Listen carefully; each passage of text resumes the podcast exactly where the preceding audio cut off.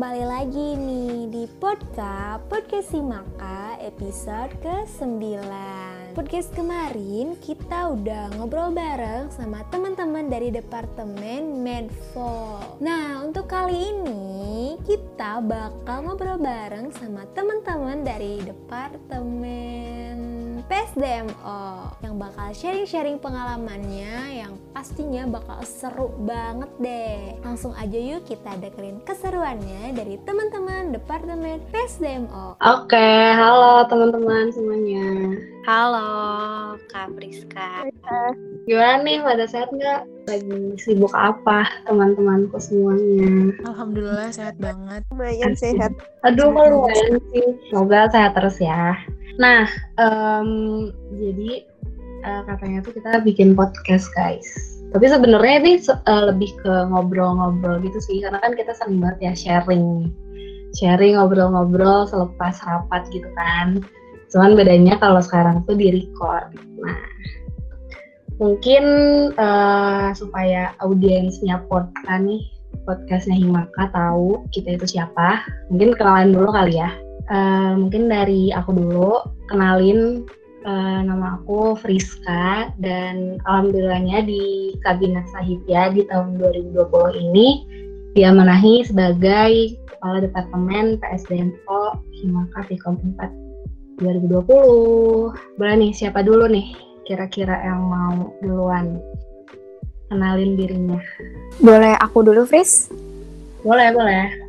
Oke, halo semuanya. Perkenalkan, nama aku Yolanda Amalia.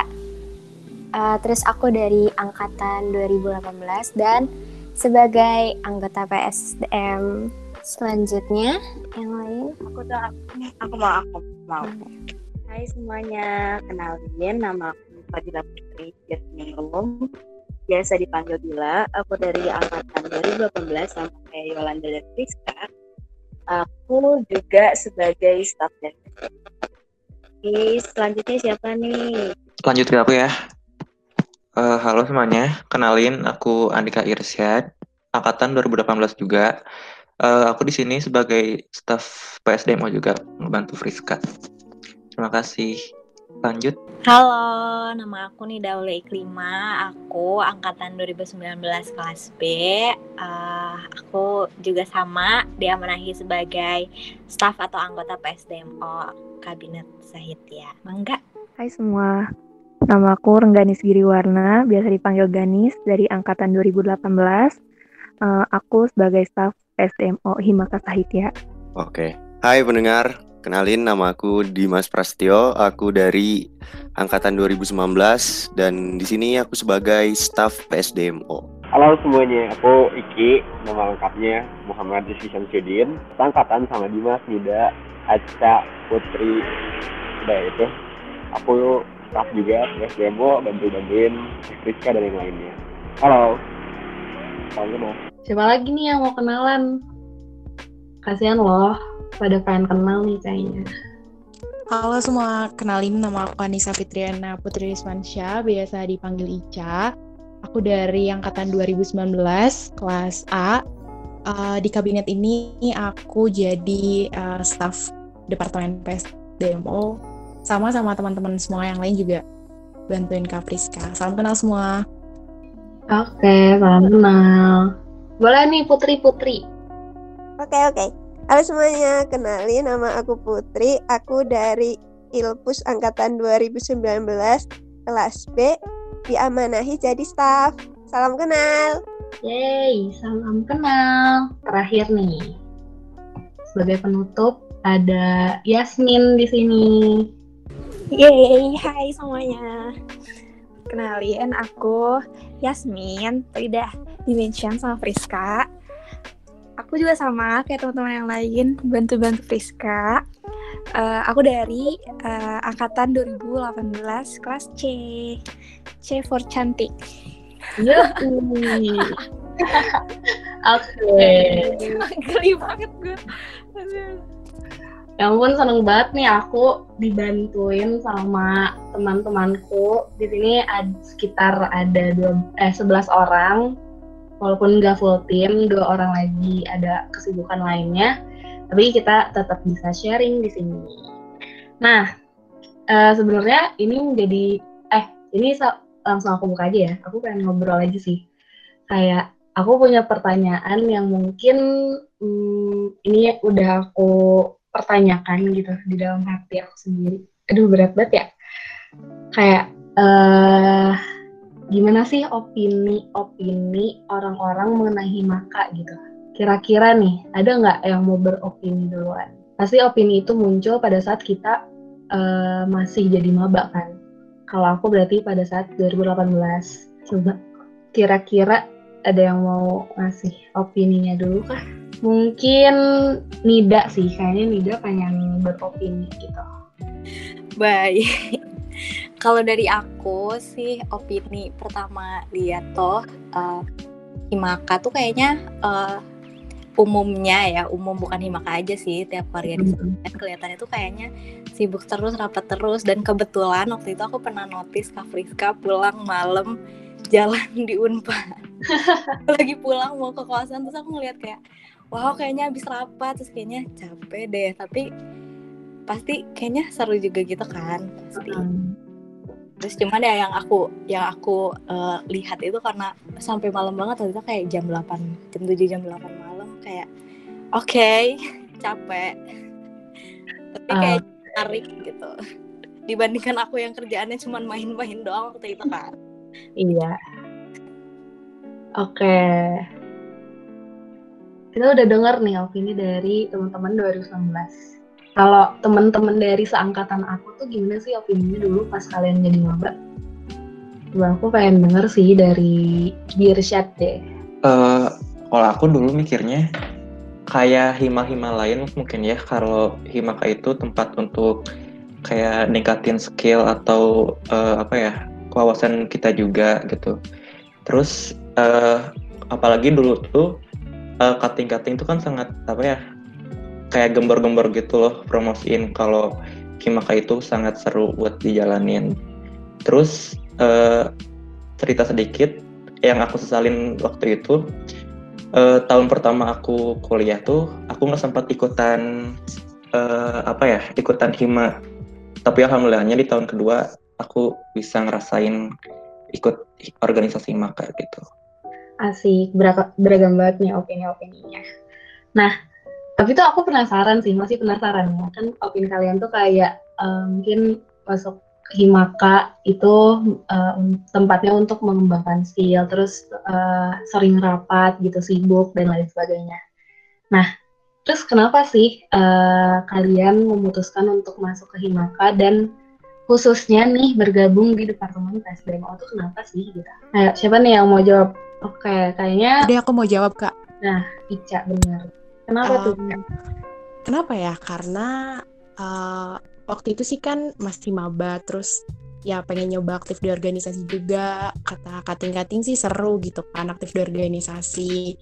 Terus ya nyoba dan tertarik sama PSDMO itu gara-gara uh, lihat di buklet Himaka bahwa uh, departemen ini tuh jadi salah satu departemen yang bisa bikin orang-orang jadi uh, berkembang gitu. Dan aku sih berpikir kalau misalkan har eh kalau misalkan kita mau mengembangkan orang lain ya kita juga harus berkembang gitu. Jadi kayaknya MO dan ternyata parah. Asik sih. Bahkan kalau rapat juga asik banget lah gitu. Kalau rapat gimana tuh cak aduh kalau rapat tuh ya uh, biasanya otak aku tuh dingin gitu. Terus agak anget. Oh, anget anget banget dan enak lah pokoknya aduh otak aku tuh jadi jadi encer gitu lah ya. Oh, jadi encer. Oke okay, baik. Nah aku pengen dengar satu lagi sih alasan kenapa masuk Himaka dan memutuskan masuk departemen PSDMO gitu. Kayaknya tuh dari Ganis deh Ganis dari aku dong boleh nggak? Oh boleh. ya, saya Ganis duluan ditunjuknya. Boleh Iki boleh. Aku nyambung yang disampaikan sama Ica aja sih. Kebetulan juga nih kemarin baru baca artikel dari Mojok. Judulnya kontroversial banget sumpah. Apa Judulnya eh, persamaan antara kerja Rodi, Romusta, sama kepanitiaan mahasiswa. Judulnya gitu sumpah. Ya, eh, nah di dalam mereka jelasin kalau ya emang eh, kita eh, banyak kemiripan sama itu ya tapi hmm, satu hal yang bikin aku tetap mau jalan itu adalah karena kata Ica tadi kita perlu buat berkembang kita perlu buat eh, punya tempat buat ngembangin diri kita perlu lahan buat ditanemin pohon-pohon manfaat ya perlu iya, kita perlu tempat itu. Dan aku lihat eh, Himaka ya khususnya PSDMO ini jadi tempat yang subur banget jadi tempat yang ideal banget buat itu. Jadi ya kamu capek kamu lihat nanti apa yang kamu dapat gitu kak Oke, kira-kira yang apa yang bakal didapat tuh sekarang nih udah mau satu tahun uh, kepengurusan udah didapat belum sih Ki? Hmm, kayaknya uh, kalau ibaratin gelas ya baru hmm. uh, sedikit banget nanti gelasnya belum penuh kok masih jauh. Okay. Jadi baru awalnya doang. Jadi ini pondasinya kali ya, pondasinya untuk mencapai pengalaman-pengalaman yang bisa dituai di kemudian hari gitu ya kan. Nah, uh, sebagai pihak eksternal nih dulu pada saat kalian mahasiswa baru nih, aduh dari tadi kita bahasnya mahasiswa baru dulu ya. Uh, kira-kira apa sih yang kalian lihat dari dari dari pihak luar gitu, tugas dan fungsi dari PSDMO itu sendiri? Boleh deh, kayaknya Ganis ya. Tadi aku pengen nanya Ganis. Halo. Um, kalau aku pas masih belum apa ya, masih di luar Himaka lah, di luar kepengurusannya. Aku tuh mikir PSDMO itu yang kayak bagian kayak diklat gitu loh. Pokoknya pengembangan pengembang ya pengembangan organisasi dan manusia kayak diklat dan ospek gitu-gitu deh. Pokoknya lebih ke gimana ningkatin sumber daya manusia di dalam Himaka itu. Oke, okay. bener banget sih. Jadi uh, kalau misalnya nih kayak tugas dan fungsi yang benar-benar ada di buklet itu nggak jauh beda dari apa yang Ganis tadi sampaikan kayak emang uh, eh, PSDMO itu menggali terus mengoptimalkan, membina dan mengembangkan kualitas sumber daya mahasiswa dari Himaka itu sendiri khususnya mahasiswa baru ya. Tapi kita juga nggak melupakan mahasiswa-mahasiswa yang sudah menjadi pengurus di Himaka gitu. Terus juga kita bertanggung jawab atas kualitas sumber daya itu sendiri sumber daya manusia itu sendiri. Karena kita juga uh, apa ya mm, menyusun pola kaderisasi mungkin ya. Bisa dibilang pola kaderisasi baik itu di masa orientasi mahasiswa baru atau uh, kaderisasi kepengurusan gitu untuk melahirkan untuk melahirkan kader-kader yang berkualitas gitu. Semoga ini juga uh, benar-benar kita lakukan ya tugas dan fungsi ini dengan banyaknya proker yang sudah kita jalani. Nah, uh, apa ya? Kita kan dari tadi tuh udah uh, ngomongin mahasiswa baru, mahasiswa baru gitu kan. Uh, mungkin uh, ada yang mau ngobrolin ini nggak ya mengenai apa sih yang bisa kita lakuin untuk mahasiswa baru kita yang PSDO canangkan atau rencanakan itu ada yang mau ngasih rahasianya nggak nih? Kayaknya Dimas sih, Dimas kayaknya mau jawabin. Ya nggak nih? Oh eh, apa nih? Lo, Jadi uh, ya, banyak cantik-cantik semangat bener dim. Iya. enggak lah, enggak gitu. Asa sih. nah, tadi apa sih teh pertanyaannya? Iya, rahasianya tuh uh, apa sih yang eh coba dong keluarin rahasia PSDMO mengenai mahasiswa baru gitu di apa sih yang kita rencanakan untuk mahasiswa baru gitu. Oh, jadi sebenarnya yang kita rencanain buat mahasiswa baru itu um, banyak ya teh, tapi lumayan bertahap juga, ya nggak sih? Iya. Yang mungkin sebelum-sebelumnya itu uh, yang sudah pasti teman-teman tahu, ya pasti literasi lah ya. Mm-hmm. Ya kan. Nah, tapi sebelum itu ada juga uh, proker kita yang sebenarnya mengarah ke situ juga dan tujuannya mungkin targetnya juga teman-teman mahasiswa baru juga. Kayak kita ada juga Gitalks ya kan. Nah, di mana kita tuh di dalam Gitalks itu tuh kita ngobrol sama alumni, kemudian juga nggak cuma alumni, tapi kita sempet sharing sharing sharing juga sama KBM kita Kang Kang siapa Iya. Waduh, inget banget emang. Kebetulan selalu Ah. keinget gitu. Uh, uh, kebetulan uh, for your information ya teman-teman, waktu itu yang jadi hostnya juga Kak Friska langsung gitu. Uh, uh, nah sebenarnya pasti uh, kayaknya teman-teman pasti pada uh, penasaran kan ya teh. Kayak apa sih tujuannya kita tuh uh, live Instagram termasuk juga Gitalks kayak gitu-gitu.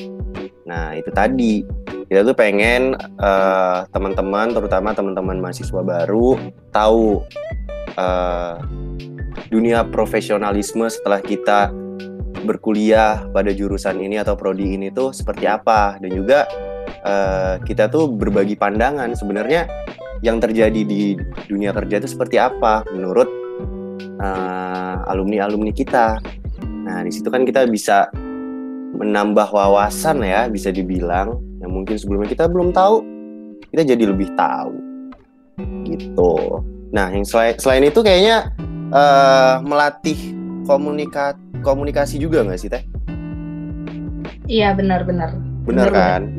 Uh-uh. Karena uh, dengan Gitalks itu tuh kayak ada interaksi juga antara audiens sama pematerinya gitu. Iya. Jadi uh, kayak kita bebas buat nanya apa aja. Kebetulan juga uh, konten-konten yang kita bawa tuh nggak melulu soal uh, yang serius-serius, tapi ada juga yang ringan-ringannya juga, ya nggak teh? Iya benar banget. Nah, jadi kalau ka- kalau uh, dalam hidup tuh mesti memang seimbang ya, gitu paling. Oke, mantap. Nah, tapi emang bener banget sih kayak kita tuh eh, apa ya merencanakan kayak eh, apa sih yang bisa kita kasih, kita, yang bisa kita fasilitasi untuk teman-teman nih teman-teman mahasiswa khususnya eh, anak himaka gitu, anggota himaka. Anggota himaka tuh berarti kan eh, di luar kepengurusan pun dia anggota himaka kan. Jadi kita juga eh, memfasilitasi mereka-mereka yang ingin berkembang gitu loh. Dan eh, untuk si mahasiswa baru ini nih kita tuh emang eh, memfasilitasinya supaya eh, mereka bisa survive gitu loh di dunia perkuliahan ini karena kan mereka baru juga semester 1 terus juga belum kenal Jatinangor ya kan belum kenal Unpad tuh kayak gimana beluknya gitu jadi kita fasilitasi dengan adanya rangkaian-rangkaian gitu yang bisa kita kasih untuk mereka gitu. Please, please, aku mau nambahin dikit nih. Tadi kan kita udah nyinggung masalah memfasilitasi gitu kan. Mhm.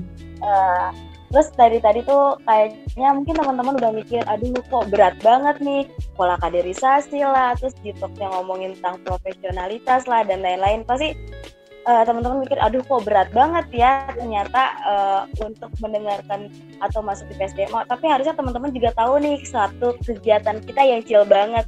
Ayo coba, Nida, Nida, kegiatan chill kita apa nih, Nid? Nah, aduh maaf, lagi nyeblak. Bagian kayaknya banget. Ya, Teteh kita chillnya sambil nyeblak juga bisa nih Teh. Kita Iya, kayak gimana nih Teh Nida?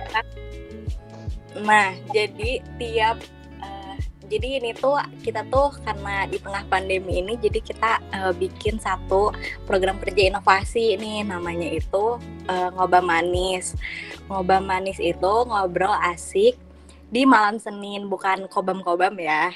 Kita ngobrol-ngobrol aja, ngobrol-ngobrol santai. Nah, acara ini itu dibuat dalam rangka eh, memfasilitasi eh, staf Himaka juga anggota Himaka angkatan 2019 utamanya biar bisa ngobrol bareng nih eh, satu sama lain sama eh, teman-teman cutting, teman-teman eh, dari staf Himaka juga tentang gimana sih eh, Himaka itu. Soalnya karena kita kan baru kuliah sebentar ya waktu itu baru satu semester lebih sedikit. Kita masih eh, jarang ngobrol-ngobrol sama teman-teman yang ada di kampus baru kenal sebentar tahu-tahu udah pandemi. Nah jadi kita mau fasilitasi itu di acara ngobrol manis ini. Di ngobrol manis ini kita topiknya banyak banget bahkan sering banget OOT kita jadi kayak ngobrol apa pun sih jadi curhat eh, jadi gibah eh, ngomongin tugas. Terus eh, tapi yang terpenting sih itu jadi kita uh, bisa ngejalin relasi satu sama lain sama yang orang orang-orang yang belum kita kenal sama kita punya akses ngobrol langsung ke ketua himpunan gitu deh. Jadi uh, di samping obrolannya yang santai uh, terus kita juga bebas banget mau ngomong apa pun mau nanya apa pun mau mengkritik apa pun kita tuh bener-bener bupas semuanya di situ tanpa ada judgmental gitu loh. Jadi semuanya bebas banget buat ngomong apa pun uh, ngobrol ngobrolin keresahannya di situ. Begitu. Berarti sebenarnya tuh uh, PSDMO ini selain memfasilitasi teman-teman untuk mengembangkan diri teman-teman di profesional di profesi kita sendiri juga apa ya membantu kita untuk mendapatkan relasi dengan cara yang lebih mudah gak sih? Dan dengan cara ngobam ini salah satunya bener gak sih teh? Sumpah bener banget sih. Jujur aku juga jadi seneng gitu loh karena adanya ngobam gitu kita difasilitasi. Kita jadi jadi tahu gimana caranya ngobrol gitu. Soalnya kan kita di rumah doang kan, di rumah aja. Yang notabene kayak jarang banget untuk ngobrol gitu. Bener gak sih? Betul. Betul aku... banget ya, apalagi kan apa nih nih? Tendi dulu, Tendi dulu. Kalau aku sih sebagai angkatan 2019, maksudnya aku masih baru banget ya beberapa bulan di Himaka. Senangnya itu jadi ada akses buat ngobrol sama uh, teman-teman dari departemen lain, dari kating-kating, utamanya di, dikasih petuah-petuah kali ya, ya dikasih saran-saran. Karena kalau nggak ada gitu, ya kita mau dari mana gitu, mau sebenarnya bisa kan uh, personal chat, tapi kayak bingung gak sih tiba-tiba so kenal sedekat uh, personal chat? Kalau di situ emang udah ada tempatnya emang kita ngobrol aja satu sama lain. Jadi ada wadahnya gitu loh buat uh, nanya-nanya apa pun itu iya tuh. Kayaknya ngobam juga panasnya tuh atau serunya itu emang di akhir-akhir ya? Iya biasa aja kritis uh -uh. tuh makin malam tuh makin panas biasanya Nah itu biasanya ngobrol makin malam makin filsafat deh obrolan. Waduh, ini bisa ke politik bisa. Yang awalnya ngobrolin soal yang santai-santai kan, makin malam iya. bisa ke mana-mana. Iya benar banget. Aduh. Kangen juga ya ngobam. Iya ya. Kita udah berapa minggu nih gak ngobam? Udah hampir sebulan kali ya kita nggak ngobam. Oh iya benar-benar. Udah hampir sebulan gak ngobam nih. Mungkin bisa kita agendakan ya next time. Terus juga jadinya berarti kita tahu ya kak kalau nyari informasi, nyari pengetahuan itu nggak cuma dengan belajar gitu kan. Kita ngobrol kayak tadi hmm. Penny dan bilang uh, dapat petua-petua dari kating-kating yang mungkin uh, kalau misalnya kita chat secara personal, petua itu cuma kita dapetin buat diri kita sendiri. Sedangkan dengan ngobam ini, gak cuma kita doang yang dengar teman-teman yang lain juga dapat petua yang mungkin berguna untuk mereka juga. Iya iya benar banget. Nah tadi kan kita udah ngebahas ngobam ya kan? Terus udah ngebahas detox tuh. Detox tuh kayak rangkum nih. Jadi si detox itu tuh uh, apa ya fasilitas yang kita berikan gitu untuk teman-teman himaka yang lain untuk mengembangkan soft skillnya gitu. Nah mungkin uh, apa ya kalau dulu tuh aku waktu zaman zaman yang maba ya tahun 2018 2019 tuh kayak mikirin gitu. Kenapa sih emang apa apa pentingnya gitu? Apa pentingnya ngembangin soft skill gitu? Nah kira-kira menurut Kayolanda nih kira-kira eh, seberapa penting sih dan kenapa gitu kita harus ngembangin soft skill nih? Oke okay. sumpah. Sebenarnya kalau kita ngomongin tentang soft skill tuh penting banget. Karena nanti kita nggak tahu apa yang kita bakal hadepin gitu loh di dunia kerja dan juga apa ya soft skill tuh kayak sampingan sampingan suatu yang harus kita uh, apa ya apa sih bahasanya kembangin dan harus milikin gitu dan ya sorry sorry Mungkin oh. ada tambahan? Aku mau nambahin dong. Boleh. Nah, jadi uh, beberapa waktu lalu tuh aku pernah baca uh, jurnal dan ternyata aku kaget banget sih karena uh, selama ini tuh aku menganggap bahwa hard skill tuh tuh penting gitu. Tapi ternyata menurut jadi uh, tulisan ilmiah itu tuh bahas dua penelitian dan ternyata dari penelitian itu tuh 85% bilang bahwa soft skill ini tuh yang paling berpengaruh buat kesuksesan seseorang gitu. Bahkan uh, risetnya yang satu lagi tuh hasilnya adalah 90% berpengaruh terhadap keberhasilan seseorang gitu. Jadi kayak kebayang dong seberapa pentingnya gitu si soft skill ini buat dikembangkan. Dan ya aku agak kaget sih gitu ternyata sebesar itu. Aku kira tidak akan mencapai 80% gitu kepentingan uh, uh, dari apa namanya? dari pengembangan soft skill ini. Ini temen gue mantap banget ya ngobrolnya udah pakai jurnal, sumpah. Pintar Teman terbaik Ica mah. Gila, keren Selamat banget. datang di PSDMO. Iya. Selamat datang teman-teman. Selamat datang. Tapi eh, memang bener benar banget itu penting kan. Penting Ya. banget. Kayak kan selama ini kita kayak cuma bertanya-tanya kayak ah apakah soft skill itu penting gitu. Tapi saking pentingnya sampai ada jurnalnya yang menelitinya gitu kan. Terus juga aku mau nambahin dikit kalau misalnya eh, mungkin eh, beberapa orang yang masih nggak sadar kalau soft skill itu penting karena ibarat kata nih kalau kalian terbiasa main di zona aman kalian, kalian nggak tahu kalau di luar sana tuh banyak zona nyaman lainnya yang bisa bikin kalian aman di segala sikon gitu loh. Biar gak apa kali-kali coba-coba hal baru yang mungkin malah menjadi tempat yang lebih baik buat kalian. Tuh. Jadi jangan takut untuk mencoba sih buat teman-teman semua.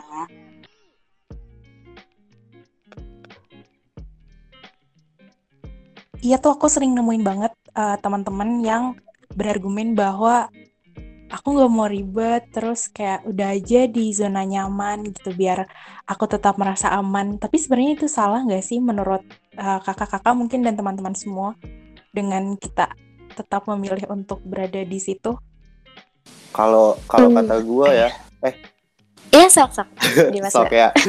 Kalau Iya. kata gua sih, Ca, salah sih kita kalau zona nyaman. Soalnya kan zona nyaman kan lagunya 420. Oke deh. Masuk Eko. Lanjutin Dim. Mantap. gitu Ya, guys.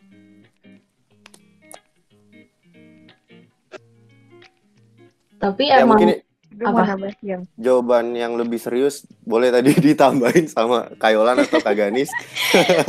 Eh, siapa dulu nih Nis? lo dulu boleh. Dulu nggak apa-apa. Iya, jadi eh, yang tadi Dila bilang itu kan keluar dari zona nyaman ya. Ini kayak contoh dari kakak aku sih sebenarnya dia kan eh nggak apa-apa kan ya cerita ya? Gak apa-apa dong, kan berbagi ilmu itu gak cuma dari baca buku. Oke. Well, ilmu.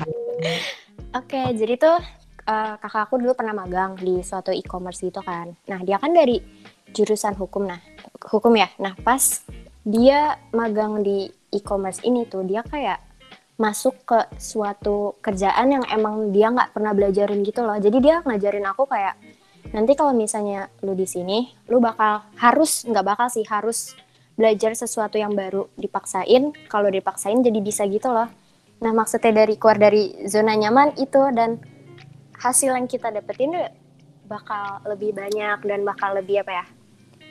Ya kita bakal dapat lebih banyak dong. Kayak ntar mau masuk ke mana kayak nanti kita udah dapat dari sebelumnya gitu loh. Ngerti gak? Ah, jelas gak aku ngomongnya? Jelas jelas. Iya kayak gitu. Coba Ganis kalau misalnya ada yang mau ditambahin. Oh, kalau gue sih cuma mau nambahin gini.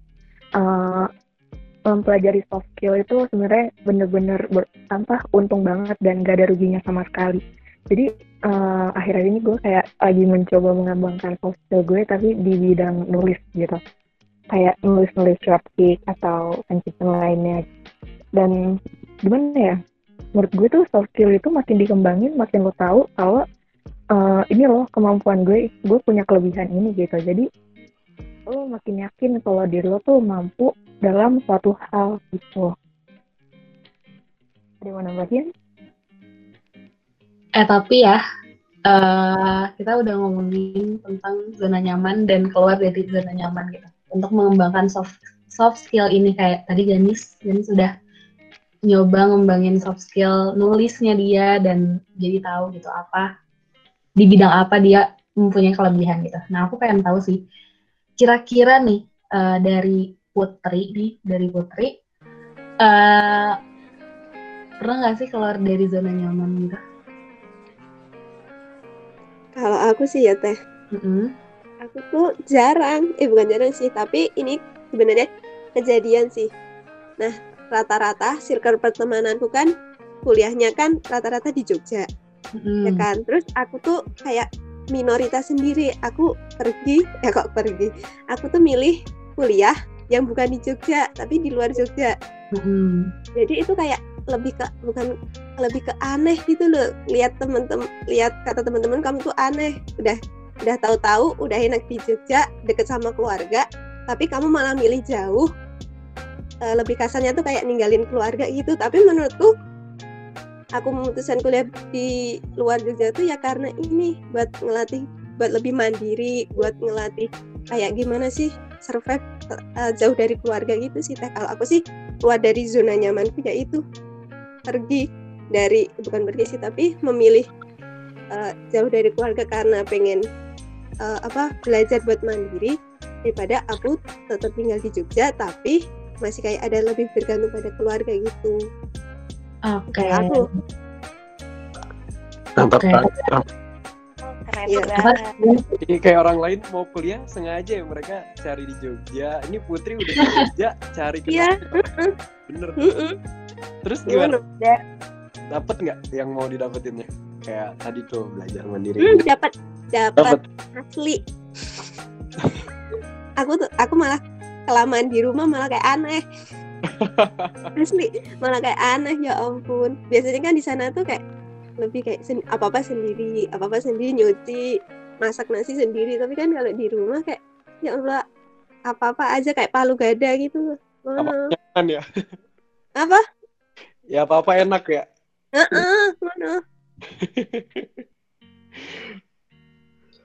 tapi nah, terus mantap sih. Eh ya benar terus juga tadi kan uh, Putri ngomong keluar zona nyamannya dia itu ya memberanikan diri untuk jauh dari keluarga kan. Dan mm-hmm. kadang-kadang nggak sadar gak sih maksudnya itu tuh soft skill yang bisa jadi sesuatu nilai penting buat kita gitu loh. Dengan kayak cuma keluar dari rumah jauh dari rumah aja kita udah ngebangun soft skill pertama. Kita ngatur keuangan dengan baik ya nggak sih? Kayak dikasih uang bulanan gimana cara hidup tuh ngerantau jauh dari orang tua semua harus terpenuhi terus yang mungkin dulunya gak suka ke mana-mana sendirian harus ditemenin harus berani beli makanan sendiri dan lain-lain.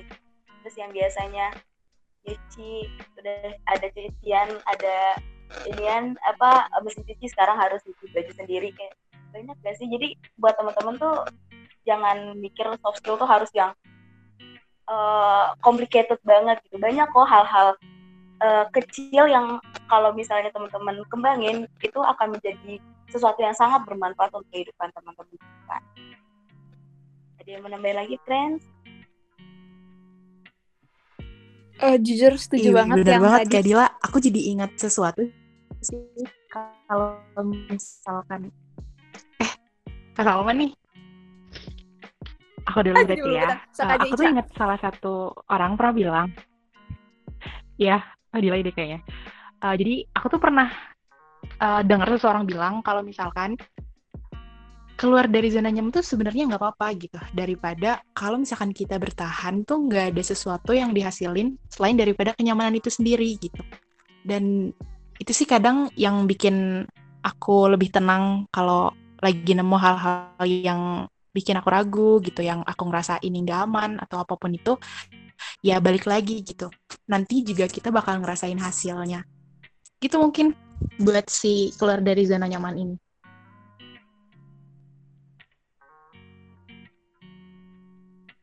Iya jujur tadi setuju uh, sama pendapat Dila yang ke mana-mana sendiri. Itu tuh bener banget. Kalian buat yang belum pernah nyoba harus coba karena apa ya menurut aku saat kita pergi sendiri tuh jadi kita lebih memahami diri sendiri juga. Pertama sama nggak perlu bergantung sama orang kayak ah mau ke sini tapi kayak tapi dia nggak mau ke sini gitu. Jadi kayak bisa nge-explore diri juga terus gak perlu takut buat ngelakuin sesuatu karena ya emang cuma sama diri kita doang gitu Iya aku setuju banget sama Salma. Soalnya jujur ya, walaupun aku ada temen, tapi kadang tuh butuh me time gitu gak sih? Kayak sendiri tuh enak aja kayak, aduh aku kebanyakan ngomong kayak kenapa sih? Maaf.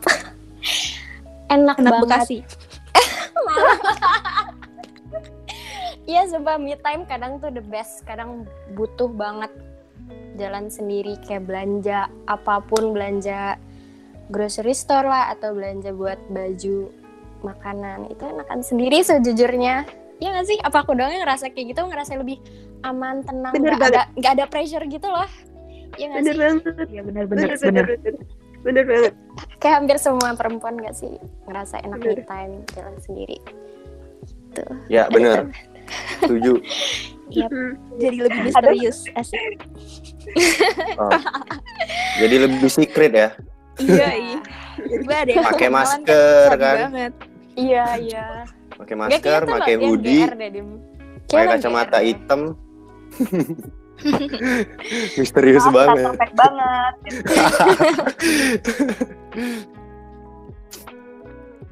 Eh tapi juga ya, eh, ketika kita udah bicara soal mandiri kayak gini tuh, sesimpel kita nggak makan, eh kita nggak bisa makan kalau kita nggak gerak, ya nggak?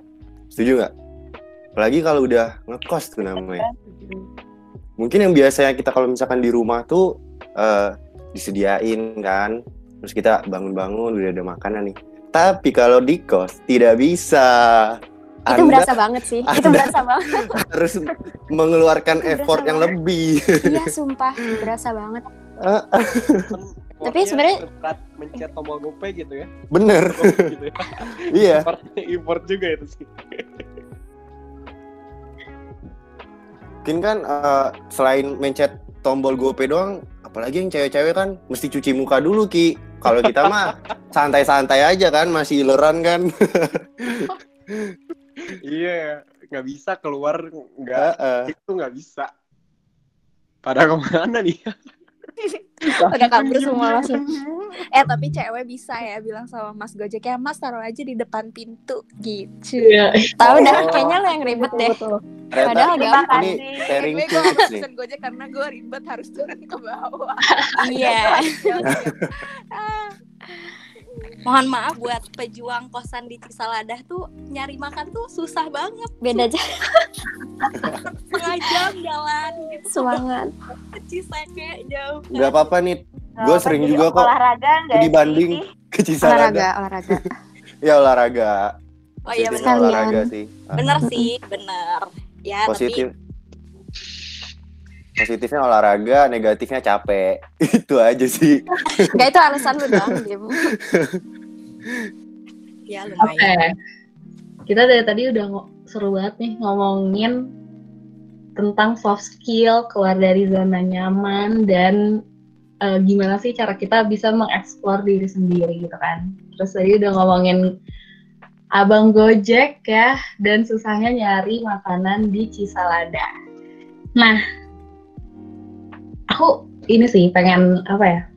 Pengen ngasih tahu ke pendengar-pendengar podcast ini tentang wadah dan juga fasilitas yang kita, juga udah sediain nih yang akan kita lakuin di beberapa minggu ke depan untuk mengembangkan soft skill dan juga untuk mengenal lebih jauh mengenai Himaka nih. Kira-kira apa tuh?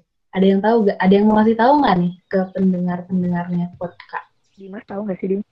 Oke, kayak langsung diwakilin aja ya. Ya, Ya, kebetulan eh, halo pendengar podcast yang ganteng-ganteng dan cantik-cantik pastinya. Widih. Widih. Jangan lupa nih, eh, kita kebetulan ada acara juga yaitu LDKO 2 yang merupakan kelanjutan dari LDKO 1 di mana eh, ini tuh eh, teman-teman dari 2019 maupun 2020 boleh banget buat daftar ikutan LDKO 2. Nah, nanti kita bakal lebih mengenal lebih jauh tentang departemen yang ada di Himaka, terus juga kita bakal dapat ilmu bagaimana cara eh, memiliki rasa kepemimpinan di dalam keorganisasian. Betul gak Teh? Betul sekali. Jadi eh, bagi kalian yang minat nih masuk ke BPH khususnya Badan Pengurus Hariannya Himaka, boleh banget ikutan LDKO 2 dan boleh banget milih Departemen PSDMO untuk departemen yang kalian minati. Jadi sampai jumpa di LDKO 2. Nih, teman-teman kayaknya uh, durasinya takut kepanjangan ya kan? Karena kita seru banget ngobrolnya nih sharingnya. Kayaknya kita harus berpisah dulu. Ya. Ya sedih banget. Iya sumpah sedih banget. ya, kenapa sih setiap ada pertemuan selalu ada perpisahan Waduh, Waduh. berat nih, berat. Nanti uh, mungkin ada segmen selanjutnya ya, kayak Salma. Ya. Podcast. Nanti kak uh, akan teteh makna talk ya dan yang lain-lainnya. Sebenarnya kalau misalnya uh, teman-teman sadar ya guys, dari tadi kita tuh ngomong ngalor ngidul gitu. Jadi buat teman-teman yang sekiranya uh, kepo sama PSDMO itu udah ada gambarannya sedikit. Kita tuh memang mungkin pembahasan terlihat berat di luar, tapi kita di dalamnya sangat chill nggak sih teman-teman? Chill banget, sumpah. Nggak nggak berat. Ada yang berat sih, tapi kebanyakan chillnya gitu loh jadi nggak berasa ya aja nah, kayak iya. buat teman yang kepo gitu kan kayak PSD mau kayak gimana bisa banget ya daftar LDKO 2 dan juga untuk ke depannya benar kata Teh Rizka bisa masuk PSD langsung ayo teman-teman ada yang mau nambahin lagi oke kalau gitu uh, aku tutup podcast dari PMO kali ini. Semoga kita diundang lagi di podcast selanjutnya ya. Kalau misalnya mau, mau ngobrol bareng kita, jangan lupa masuk PSDMO. Bener gak? Yeay, sampai berjumpa di Bener banget, bener banget. Oke, okay, sampai jumpa di podcast selanjutnya. Dadah. Dadah. Dadah. Dadah. Dadah. Jangan lupa masuk PSDMO. Yang tertarik untuk masuk PSDMO, jadi PSDMO itu menggali, mengoptimalkan, membina, dan juga mengembangkan kualitas sumber daya manusia dari Himaka. Gak hanya itu, PSDMO juga menyusun pola kaderisasi baik itu di masa orientasi maba atau kaderisasi kepengurusan untuk melahirkan kader-kader berkualitas. Jadi uh, untuk ospek atau yang bisa dibilang literasi nih di jurusan kita, nah itu tuh bagian dari program kerja PSDMO guys. Wah seperti menantang ya. Oke deh, makasih juga nih buat teman-teman yang udah dengerin podcast episode ke-9 ini. See you di podcast selanjutnya. Bye-bye.